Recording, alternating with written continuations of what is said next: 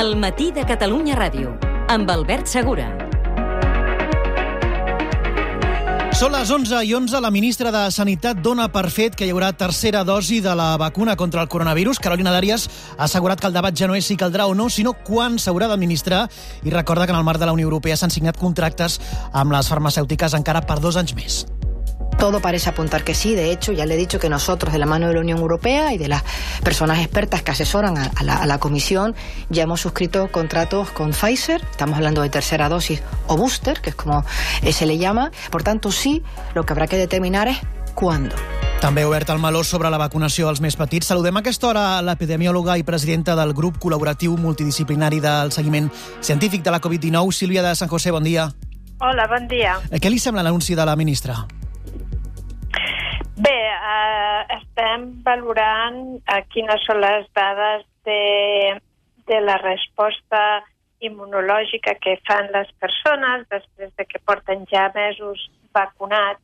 El que, el que comencem a veure és que les persones que poden tenir una resposta, diguem-ne, deficitària o no tan potent com la població general, serien potser candidats de rebre una tercera dosi eh, com, a, com a grup prioritari i potser no ara durant l'hivern quan hagin passat encara uns mesos des de l'última dosi de vacuna.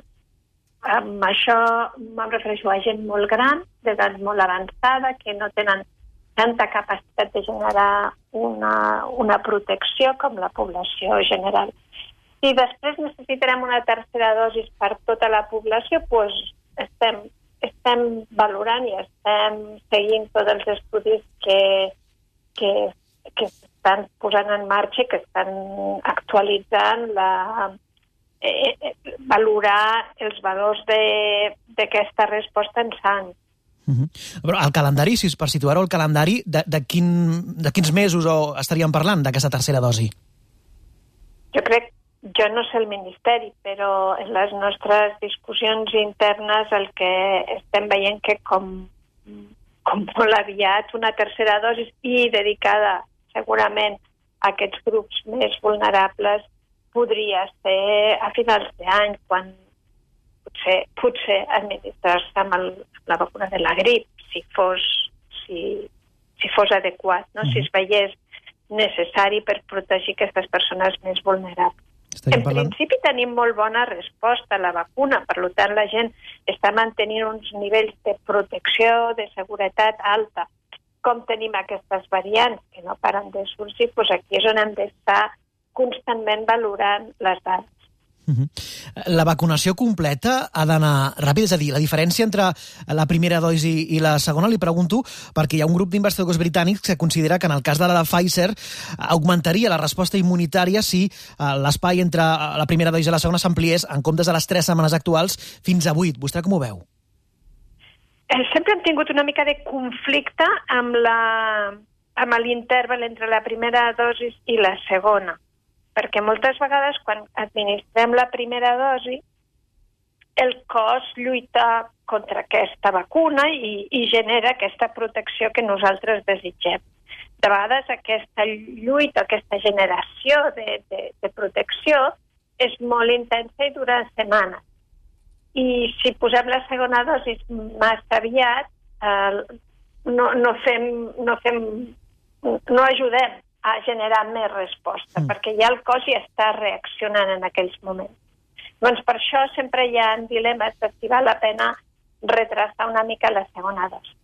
De totes maneres, com el que, les dades que tenim és que les persones vacunades amb les dues dosis tenen més protecció, de vegades el que han prioritzat és que hi haguessin les dues dosis donades, de no deixar gent amb una dosi i més ara amb la variant Delta um, esperant a una, a una segona dosi més enllà d'uns un, mesos. I per això alguns intervals s'han escurçat ara. No, amb, per exemple, amb la vacuna d'AstraZeneca ja no se diu tres mesos, s'està escurçant aquest interval, de manera que tinguem a tota la gent pròpiament eh, protegida. Mm. Però és possible que, que ampliar aquesta finestra entre la primera i la segona sigui, sigui beneficiós. I això només ho sabem si mesurem les, les reaccions uh, amb, amb estudis. Eh, tenint en compte que la variant Delta s'ha confirmat que, que es comporta de manera diferent i que té un temps de... de la contagi és més ràpid, però eh, costa més d'eliminar del cos, sembla. Creu que caldria modificar els actuals protocols de quarantena? És a dir, anar més enllà dels 10 dies actuals? Bé, la, els, els 10 dies és, és un marge totalment òptim per, per, per protegir la, la infecció. El problema de la variant Delta és que genera moltes, moltes còpies virals i, per tant, quan un està infectat, uf, això s'expandeix molt ràpidament.